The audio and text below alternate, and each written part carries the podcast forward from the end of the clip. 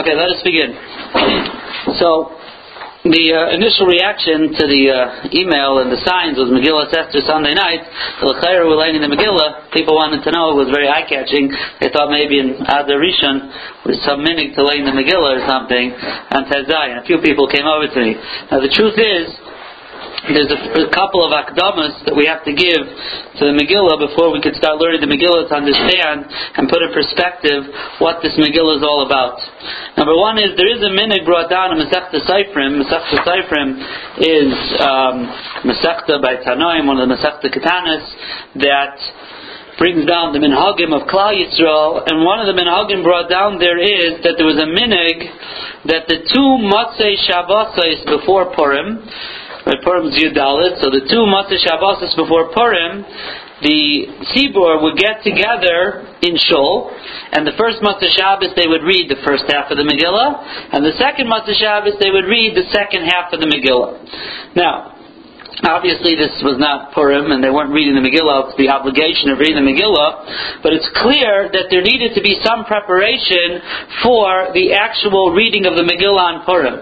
So when they got together in Shul the two weeks before, and they read the first half, and then they read the second half, so it seems clear that it was a preparation. And perhaps they didn't just read it, perhaps they learned it as well. And there was a time when there was no clapping Hammons, probably, and no one was in a rush to get out to Shalach Manis and to whatever it is is, and perhaps they were able to think about the Megillah, because if you think that you're going to come Purim night, as the Ba'al Korei is laying in the Megillah, and you're going to start thinking about what the Megillah is saying, if you're not prepared, it's a very hard uh, task at hand. So it seems clear that there is a very big inyan to tr- start reading the Megillah early um, and learning about it. Now, Megillah Esther is different than the other Megillahs we have. We learn Megillas Rus and Kehelet and Shir Hashirim, and there's something very different about Megillah Esther. And that is, the Gemara has an argument from where does one need to begin reading the Megillah and fulfill his obligation. So one uh, opinion says you only have to start from Parak Vav, Balaylahu, very short Megillah learning. Um, another opinion says you have to start from Parak Gimel. That's Ishu. Uh, I'm sorry, that's uh, Haman. Gidal Hamelach Hachashverosh is Haman. Um, or you have is that Balaylahu? Or you have um, the next opinion says from Ishihudi. That's when Mordechai's greatness uh, we begin to see. And the last opinion is from the beginning because that's Godloy Shel Achashverosh, that's the greatness of Achashverosh. And it's very interesting to note that we don't find in Megillas Rus, you know, that anyone has an opinion. You only have to read the last parak because that's where Rus and Boaz got married, and that's this true story of David HaMelech. Everyone agrees, comes Shavuos, you read Megillas Rus. There's a Megillah called Megillas Rus, and there's a Megillah called Shir Hashirim. So why is it when it comes comes to Megillah Esther, do we have a machlaikis? Now we passed it from the beginning, but why is there any argument? Read the whole Megillah like any other Megillah. So the truth is, um, the truth is the Megillah Esther has two components to it. On one hand, it is part of Tanakh. It's part of Kisvei Kaidish. And it's a Megillah like all other Megillahs. Like, it's part of Ksuvim. But the truth is, if you learn the Gemaras, you'll see clearly that it only became part of Tanakh much later than after the Purim story. When Klal Yisrael, the Purim story happened in Galus, in Paras. The Beis Hamikdash was not built. Megillah Esther only became part of Tanakh when Yisrael went back to Eretz Yisrael, rebuilt the second Beis Hamikdash, and the Anshe Knesset Hagdalah made Megillah Esther. They wrote it down as Kisvei Kodesh. Yet it's clear from the Gemara that they were laying the Megillah from the year after Purim. Now, what were they reading? Uh, you're reading a book? Well, what are you reading? It's not Tanakh. What are you reading? And the answer is to that very simply that Megillah Esther, we do not read Megillah Esther like we read the other Megillahs because they are part of Tanakh. We read them because of Pirsume Nisa. The whole point of the Megillah is Pirsum Hanes. And it was written by Mordechai and Esther right after the Purim story, and it was written in order to publicize the Nace, and we should read it to publicize the Nace, even if it had never never become part of Tanakh. Esther really asked the Chachamim, Kisvuni Ludairis, make me a part of Tanakh. And they weren't sure until they found the pasuk and they ended up doing it. But it would have been very possible that the Megillah would have remained not part of Tanakh, and we would just still learn it every single year, because the point of this Megillah is the Farseim Hanes. Now, since the point is to publicize the Nes, so there's an argument where you start from. Do you start from the beginning of the Nes of the salvation, and that's Balai Lahu? Do you start from the Haman part? Do you start from Mordechai's part? Or do you start from the beginning, Achashverosh's greatness, like we do? Now, with this understanding that the reason we read it from the beginning is lefarsem hanes, so it seems very it, it, seems clear that th- we could already see from the beginning the nes. So that means in the Gra and the Yosef Lekach, who was the forerunner of the Gra's Pirish from a couple hundred years before the Vilna Gaon, they write that in every pasuk, every word actually says the Yosef Lekach is teaching us something about the Nace from the beginning, and that's why we have to learn it from the beginning. Now, when you look at the story, you don't really see much of a Nace. If you look at it very um, on the surface. Seems a nice story, and you don't see the Nace.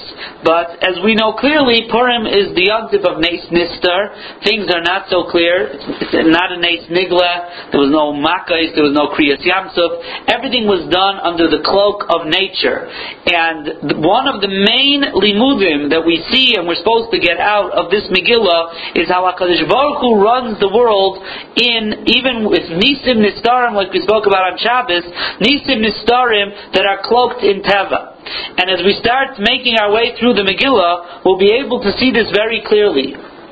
Now, what we're going to see in the Megillah here is a very important thing, and that is that Hakadosh Baruch Hu has a hanhaga that he deals with Klal Yisrael, and that is called that he prepares the refuah kaidam lamaka. Before he punishes Klal Yisrael, he already has the where wherewithal and set up the gears for the Yeshua from this punishment.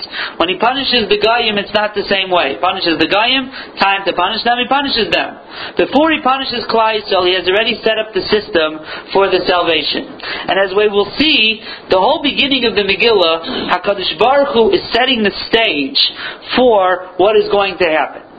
Now, we all know and this is still part of the Akdama. We all know, Chazal tell us, why was Klal Yisrael in that generation um, did they deserve to have this edict of assimilation by Haman and Achashverosh given to them? So Chazal say there were two chatoim, there were two sins.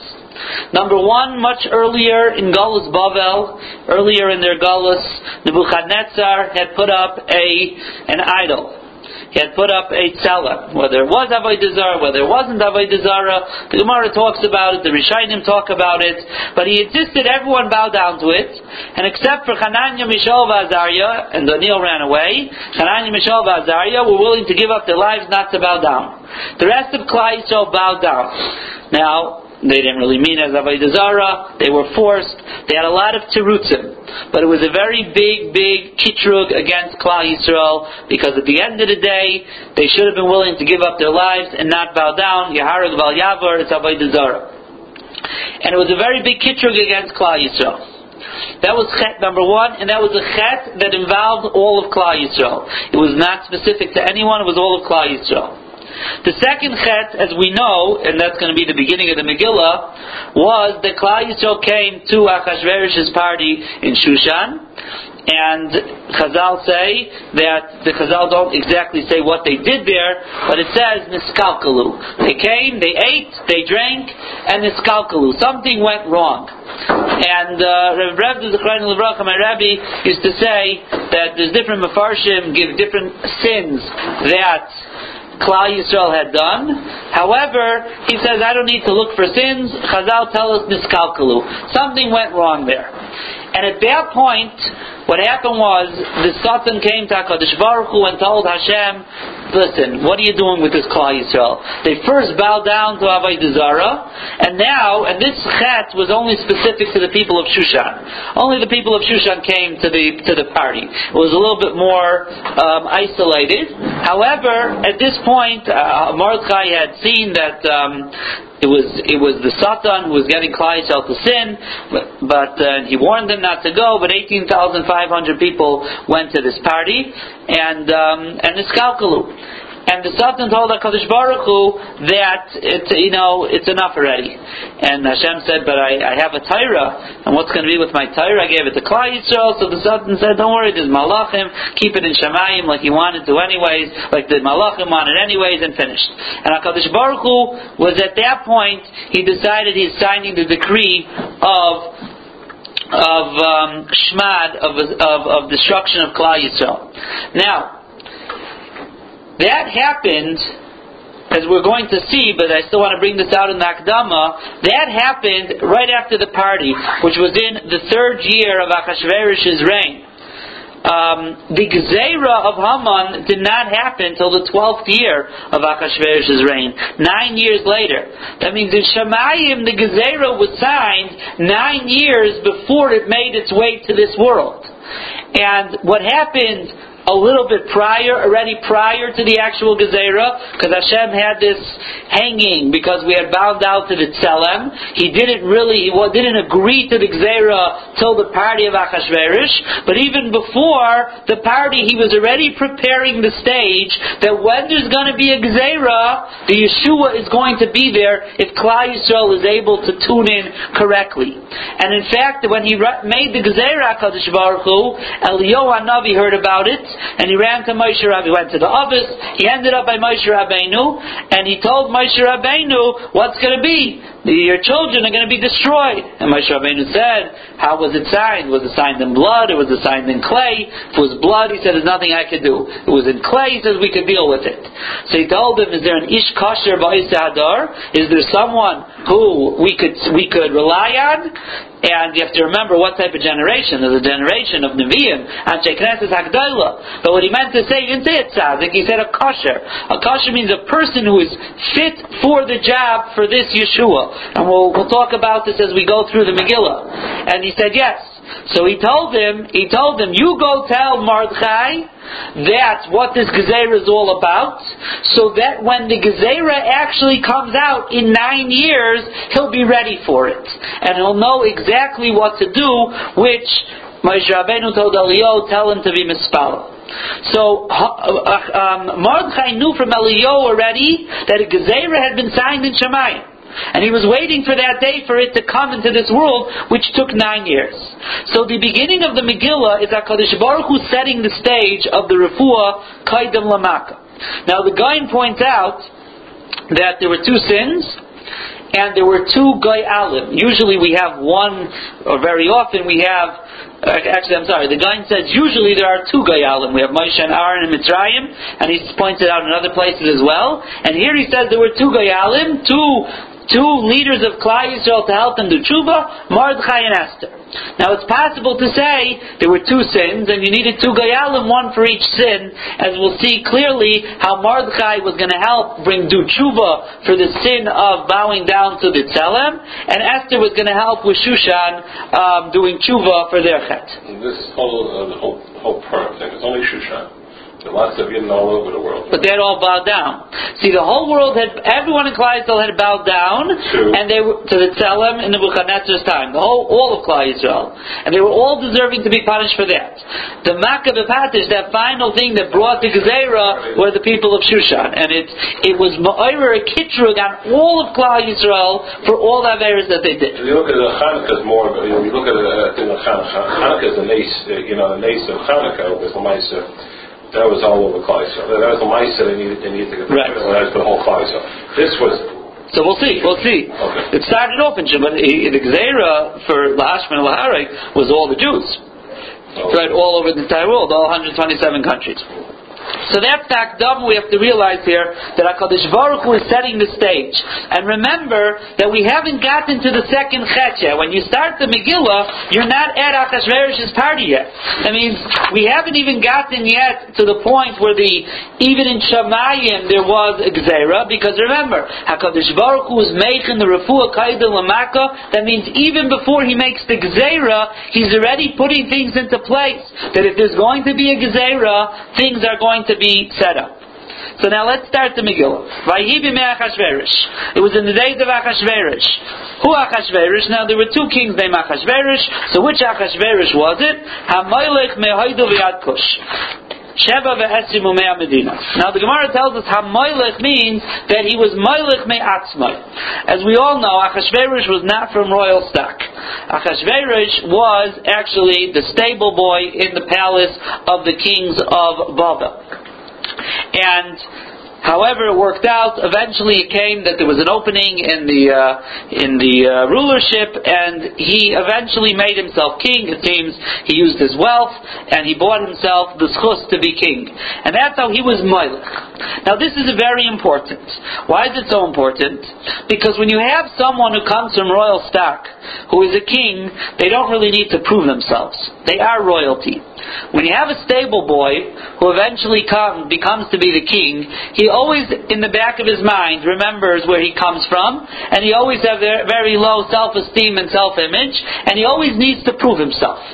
And that's very important in this entire story that HaKadosh Baruch Hu brought about that this stable boy who needs to prove himself and his royalty is the king now. And because of this, he's going to make some very rash decisions that don't make a lot of sense, but they're going to, again, setting up the stage of what, of what we need here. So he was a Moilech. Now, when he became king, he decided that, of course, he's king, but he needs to prove that he's worthy of being the king. So the first thing that he did, as we all know, is he married Vashti. Vashti was the granddaughter of Nebuchadnezzar. She was actually royal blood. And he figured that if his queen is royal blood, so then he deserves to be the king, and no one could come and say there's no royalty here. the queen is royalty, and he's such an astute politician that he got himself up from being stable boy to being king, and therefore everything is good. Now, but he still had a very low self-image of himself, and he decided how is he going to prove that he is really a royal king? So what did he do? By it was in those days, HaMelech HaChashverosh Al Kisei Malchusai Asher Habira. Now, the first thing he decided to do is Shlomo HaMelech, as we know, had a very, very um, glorious, fabulous throne. It was a throne that had all different animals on it, and in fact, it was a magical throne, so to speak. Um, it would carry people up from the bottom. The lions would carry people from the bottom up to the top. However, um, there were many kings who liked Shlomo Melech's throne, and the first one who decided to sit on it was named Parai. And actually, the name that he got afterwards was Parai Neche, which means the lame Parai, because when he tried to step on the first step, the lion came, and this golden lion took a swipe at him and made him lame. That was, um, he decided that was the end of his trip onto this throne, and it was a bit of a deterrent from other kings of trying to ascend Shlomo Throne. But, so, Achashverosh said, you know, if I could have a throne that was a replica of Shlomo Melech, I would be a king. That would show that I'm a big king. So what did he do? He looked around for people who are willing to make a replica and and um, duplicate Shlomo HaMelech's throne. Now, the only people, the artisans and the ones who were able to do it, they were found in Shushan. This place called Shushan. Shushan was not the capital city of of uh, of the Malchei Madai Paras. They were all usually in Babel. They were not in Shushan. Shushan was a place in Paras in Persia happens to be that these were the, all the craftsmen who were able to duplicate this throne. They were there in Shushan. So what did he do? He had them make this throne. Now it took him, as he did this immediately as he became king, and it took three years for for um, for the the uh, craftsmen to make this throne. So they made this throne, and then they had a big problem. It was impossible to uh, bring it to Bavel, to the capital. So what's he going to do now? He has his throne in Shushan, and this is going to prove that he's a king, or going to help it at least. And um, the problem is he can't get it to his capital. So any normal person or normal king has a very easy Eitzah. You have a capital city to a country. Now a capital city to a country, as we all know, you go to Washington DC, you go to any capital, it's full of government buildings, this is the seat of the government, there's tons going on over there. So if he has a problem, he has a capital, and he has a palace there, and the problem is he has a throne out in Shushan. So what should he do? So every king has a couple of different palaces. Let him make himself a summer home or a winter home, whichever the weather is better for, over there in Shushan. Every once in a while he'll go there. He'll sit on his throne. He'll call the photographers. He'll call all of his, you know, officers for a little vacation, and everyone can see him sitting on his throne. And Shalom Yisrael, he's the king. But that's a normal king. But remember, this is Achashverosh. And Achashverosh doesn't think so rationally. The only thing he thinks about is proving that he is the king. So he came up with a brilliant idea.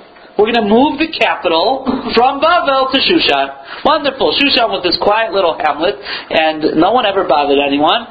And he turned over the whole place. He took the entire capital city, and he moved them to Shushan. Why? Because his throne is there, and now this is the new capital. So that's why it says, He sat on his throne, which was in Shushan Habira. This is now had just become Shushan Habira when he sat on his throne. Now, the guy tells us what's going on over here. What's Hakadosh Baruch Hu doing over here? Why is Hashem pulling these strings? Now, the first thing we have to just akdama, and the idea the Gra says in Yeshaya somewhere that there's a concept called Atzas Hashem. Atzas Hashem means when Hashem wants something to happen, He puts a little birdie in a person's mind that makes him do things that if you ask him afterwards, why did you do this, or why did you make this decision, or what were you ever thinking, the person will say, I really don't know. But it's called Atzas Hashem. And when Hashem wants that to happen, people do things that don't necessarily make sense. And that is clearly what's going to be happening here in the first two prakim, are Atzas Hashem. Things don't make sense sense to anyone. So now, Achashverosh does something that is not rational here. Now, why is it? So the Gra tells us, he reveals to us a very important thing. When Klal Yisrael came into Galus Bavel from Eretz Yisrael, they were spread out over all the countries of the world, 127 countries of Malchi Modei Paras. And there was Mordechai and Esther happened to land in Shushan. That's where they were. They were in Shushan. Now, as we know, Mordechai and Esther are the Gayalim of our story. So when the story, when the Gzeira is going to happen, Mordechai and Esther need to be on site in order to help Klaisel do tshuva, because that's the refuah kaidim lamaka. So Hashem has a choice here. Mordechai and Esther are sitting in Shushan. Achashverosh's palace and capital is in in in Babel. We need to get them together somehow. So there's two choices. We could figure out a way for Mordechai and Esther to make their, their way to Babel, to be on site, or we could bring Achashverosh and the entire capital to Shushan because Mordechai and Esther are there. And it's it's it's it's uh, Hakadosh Baruch Hu feels it's uh, more worth it for him to overturn and make hundreds and hundreds and perhaps thousands of goyim pick themselves up from their homes and their offices and the capitals and so on and so forth and reestablish the entire capital of the country in Shushan and not bother two tzaddikim. Two tzaddikim Mordechai and Esther, and Esther was a Neviah, Mordechai also was a Navi, and therefore, for him to uproot two tzaddikim from where they were, that's something he wasn't interested in bothering them. It's much more kedai if he could bring the government to him. So therefore, Achashverosh, based on Atzas Hashem, decided to do this crazy idea of bringing the entire capital and moving it now. Shushan is now Shushan Habira. So that is the first thing he does here. So now he has his wife, and he has his throne. Now, this is the third year when he sat down on his throne. So now, here he is, he has the wife, he has the throne, it's now time to prove himself. So what does he do? How do you prove yourself? A king needs to be wealthy. So he's going to show off his wealth and all of his jewels and all of his treasures.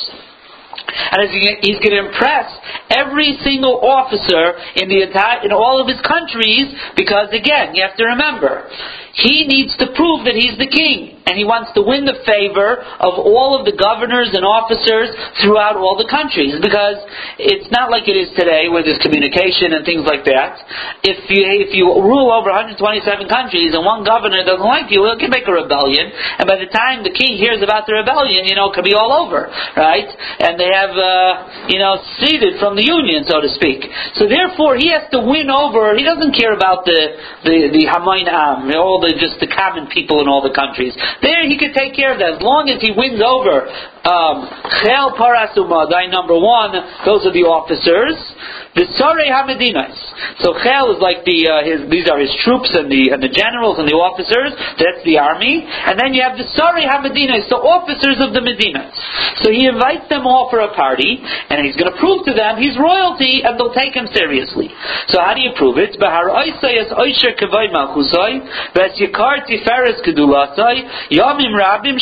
Asyai. He makes a 180 day party. Now again, the purpose of the party was Oisher Kavai Malchusai. He wants to show off how rich he is. Ves Yikar Tiferes Kedulasai, and how glorious he is.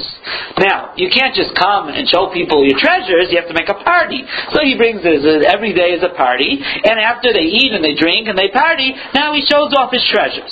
Now why 180 days? 180 days. So the Gra tells us as follows. Nebuchadnezzar, many years before, the Medrash tells us, Nebuchadnezzar was a very, very um, evil, he was a, a tyrant, he was ruthless, he was a person that Chazal tell us that no one Everyone was afraid to, and everyone in the world was afraid to smile while Nebuchadnezzar ruled over the world. It's like it reminds you know of, of Russia. You know, you're afraid, you never know who's watching, and they were scared. In fact, he was so ruthless that Chazal tells when he got to Gehenim, when he got to Gehenim, the Rishayim in Gehenim started getting nervous. What are you? What's he coming here to do? To, to torture us here as well? That's how that's how ruthless he was.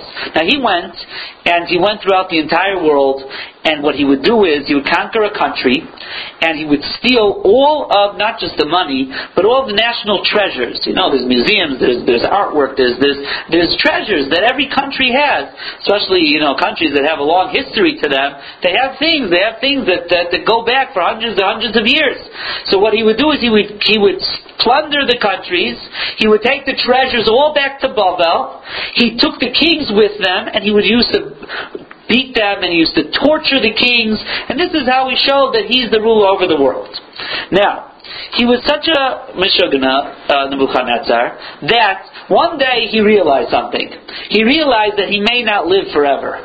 And he had a problem. He had so much money and so many treasures.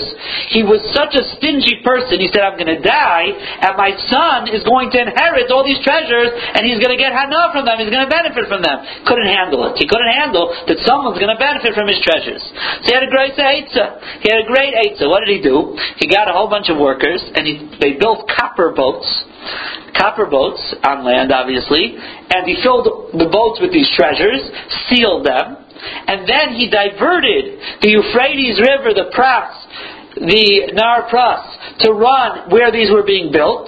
And there was so much water, and they obviously sunk to the bottom, and they got lost. No one was able to figure out where these treasures were. They were lost.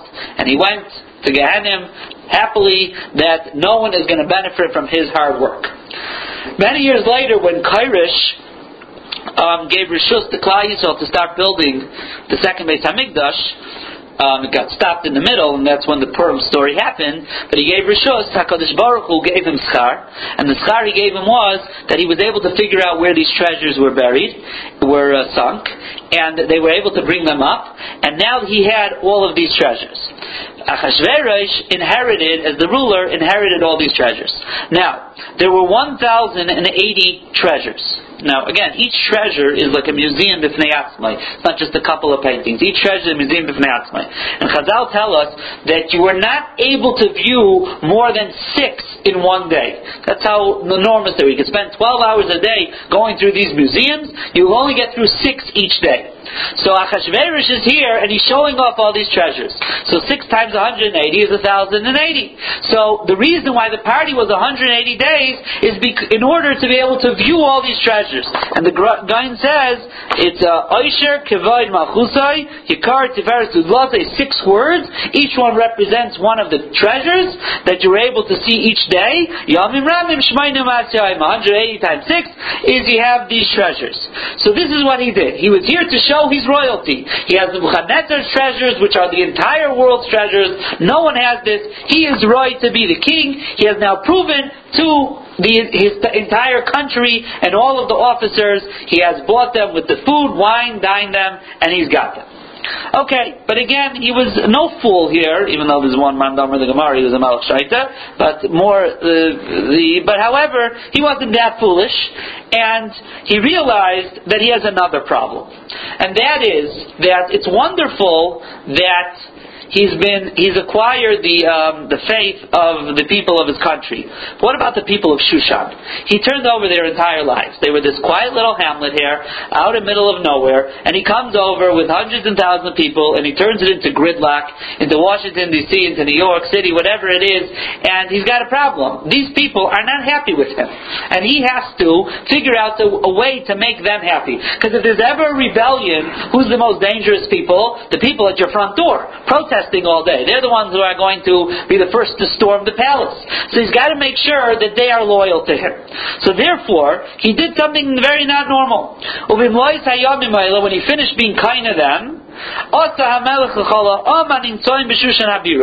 it was never a party where every person is invited. Makes no difference if you were an officer, a mayor, councilman, or you were a drunkard in the street. It made no difference. They were all invited, and this has never happened before. It come to the king's palace, only Chashuva people came. They didn't invite every person in the street. But his whole point is here, he needs everyone from beginning to end in Shushan to be on his side. So therefore he made this Mishteh. So he made this Mishteh. And the point was that he wanted to make them happy. So now, Is Amudei Sheish, and describes all of the different luxuries, how the, the floors were made of these precious stones, and there were Mitai Zel V'Chesav, so on and so forth, Aritzas B'Av V'Sheish, V'Dar and basically he wanted to wow them as well, but it wasn't only to wow them. See, you have to realize, the first party was to wow the people. That was the main point. Kind of them that he's a king. So he showed them his treasures. Shushan people, he wasn't there to wow them them. He was there to woo them, so to speak, and make them, you know, and to get on their good side. So he didn't have to show them treasures. They're not impressed with those type of things. He just to make them happy. So he gives them, you know, they have a golden bed to sit on and dine, and so on and so forth. He gave them to drink v'chlei zahav, v'chelim v'kelim shainim, v'yein malchus rov kiad amelech. Now, since the purpose of his whole party was to make them happy, he did something that's an impossibility. Under normal circumstances, there's protocol in every state dinner and every royal dinner. And one of the things was that if you're given to drink, you have to drink. There's certain things, there's certain rules and regulations of what happens at a party, at, the, at a royal party. But the point here was to make everybody happy. He wanted every person to walk out of his party happy. Oh, the king is such a wonderful king. We'll never rebel against him. So therefore, he suspended all of these things. All of these rules he suspended. No, you're not forced to drink anything. This was the motto of the entire party. What was the motto of the entire party? Whatever anyone wants, we're going to do for them. Why again? This is the point. We want to make them happy. Now Chazal tell us that he dug his own grave over here. Because Chazal tell us you can't make everybody happy. If you're making one person happy, the other one's not happy. And if you think about it, the whole thing was one big stira. In order to make everybody happy, that means to say if one guy decides to order scrambled eggs, and they bring him the scrambled eggs, he says, you know what, change I want a omelet. And then he comes back and says, you know what, I want sunny side up. So who is being made crazy? Oh, the workers and the cooks and everyone else. You're not going to make everyone happy. If you're going to make these people happy, so these people are being made crazy. You know, it's, in, it's an impossibility. But that's not the way he was thinking, Achashverosh. Again, Atzas Hashem here was telling him that this is what you have to do. And since this is what you have to do, so he was going to try to make everyone happy. And the irony is going to be that in order to make the people happy, he forced he was going to force his wife, as we'll see in a moment, to do something she didn't want to do. So make up your mind. Are you allowed to You want you make them happy, but you're for, you can't make everyone happy. So that's going to be he's going to, and this is going to lead to his downfall because he's going to become a prisoner of his own motto. So now we're sitting at the end of 187 days. so, so the um, so we're sitting at 100 and, and the end of three years plus 187 days of Achashverosh's work. He's been working up to this day that he has now proven he is the king and he has won over the world. He has built his throne. He has won over 180 day parties, proven he's right to be a king, seven days of whining and dining the people of Shushan, and this is the party where Mordechai realized that this is where the problem was, and he told the Yidden not to go, and as we said before, 18,500 Yidden Taka went. So now, at this point, he is at the peak of his gaiva, and the peak of his proving to, to the world and to everyone he is royalty. This is not the time for anyone to remind him that he is a stable boy. This is a very dangerous, dangerous time to do that. But, again, HaKadosh Baruch Hu is turning the wheel here. Gam Vashti HaMalka Atasav Mishnei Nashim. Vashti HaMalka decided to make a party. What's she making a party for? What's she making a party for? Achashverosh made a party. We know why he made a party. She doesn't need to make parties. She's royalty. What is she doing? The Teretz is she was fed up with Achashverosh. She had enough of this guy. All he's doing the whole day is strutting around that he is a king.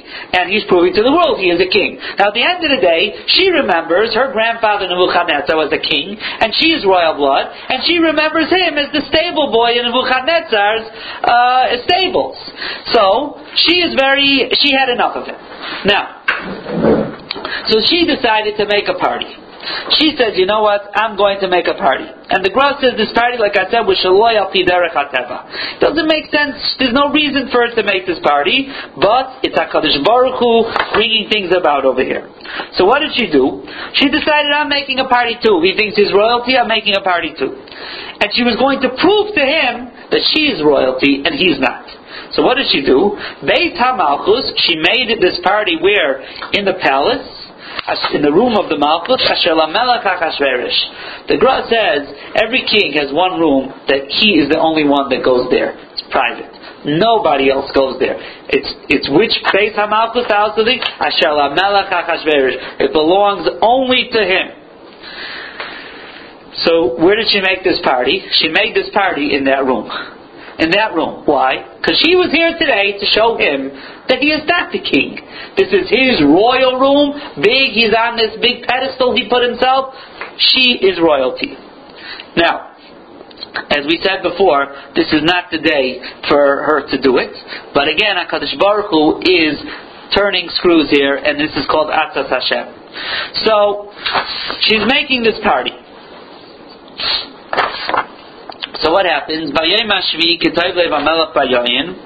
Omar L'Mahuman Bizza Charvoina Bigsa Vavagsa Zeze V'Chaka Shiva Sarisim Hamasharisim Espnei Amelach HaKashveirish Lahavi Vashti Amalka Now, what happened is that this room happened to be right, was adjacent to the big party room where the Achashverosh's party was happening. It was Yom Hashvi, the seventh day, like we said, he was at the top of his game here, he was so happy. And the, all the people at the party started hearing the women talking in the other room. And they started thinking a little bit, and an argument broke out, which country has the most beautiful women? and a big uh, argument ensues. And Achashverosh is sitting there, all excited, he's so happy. And all of a sudden he notices that there's a little bit of uh, a rabble rouser going rousing going on, and he's wondering what's going on over here. This is supposed to be the party of Lasich Kitzanish Veish. Everyone's supposed to be happy and enjoying themselves. What are they arguing about? So he once finds out what they're arguing about, and he says, "Listen, you're all wrong. My wife Vashti, she's from Babel, and she's the most beautiful of them all." So they said, "Okay, prove it." Now he has a problem. Lasich Kitzanish Veish. If they ask, he's got to do it. So now, if you'll notice, we'll notice in the psukim something very interesting. He calls these sarisim and he tells them, Lahavi es Vashti Hamalka. Vashti, who is the queen. He's downplaying her role as queen. She's Vashti. I made her queen because I married her. I was the king, I married her, I made her queen. So I'm really the king and she's only a queen because she married me. So therefore, when you go and tell her to come, make sure she realizes who's calling her and who she is. And bring her lifnei hamelech becheser malchus laharei ta'amim vasar misyopyo ki toivas marehi. So now, vatimoain, and she refused. Who refused? Hamalka Vashti. Not Vashti, I'm Malka. Now, I'm the Malka, slow down. I'm the royal blood here. I was a Malka before I married you. I'm Hamalka, who happens to be Vashti.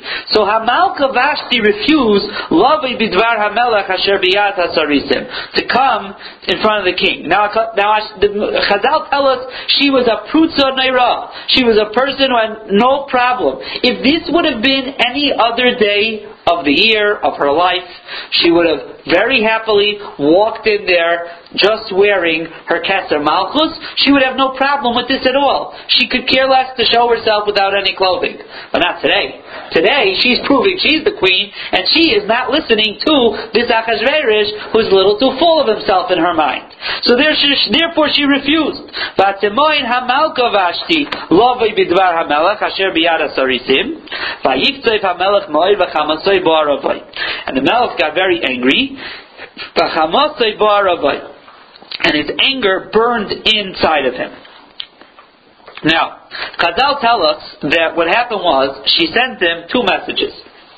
Number one, as we know this, she refused to come. And she also sent a second message that said that, you know, um, my grandfather Nebuchadnezzar was able to drink and hold his wine and not ever have any problems and not get drunk. And you have a little bit of wine and you're already getting all tipsy and telling me to do all these crazy things. And that was a very, very big insult to him. Remember, this is not the day to remind him he's the stable boy. And that's what she was telling him. You were a stable boy in the house of my grandfather Nebuchadnezzar, and that's why you can't hold your liquor, and therefore, this is why you're acting crazily. And this was the worst day, as we know, to say it. But this was the day that she was out to prove to him that she's in charge. So now Chazal tell us that usually what happens is, first, chamasai barava, usually a person's rage burns up in him, and then what happens is, as time goes on, he's able, he gets angry and he lets it out, then he cools down. But with Achashverosh, Chazal was the opposite. He got very angry, and his anger burned and was flaring up inside of him. Because Chazal say that when you're able to let out your anger, you calm down. But Achashverosh wasn't able to let out his anger. He was able to say that she refused him, and that's why he was very angry. But he wasn't about to announce to everyone her message that he's the stable boy. He just spent three years and 187 days that the entire world should forget he he's a stable boy, and remember, and only know that he's a king, he's not able to do it. So when he had to hold this in, that's why now he was just getting, his anger was burning up in him, because he wasn't able to let it out at all, and he was just getting more angry and more angry. And as he's going to get more angry, get angry and angrier, he's going to start getting less rational than he was to begin with, and he's going to make some very, very crazy decisions now. I saw Pshat that since she did it for Seich his room, he didn't didn't even have anywhere to cool off. He had nowhere to go. Very cute. So that is what's happening over here, and um, we will stop here for tonight, and Be'ez Hashem, we will continue next week.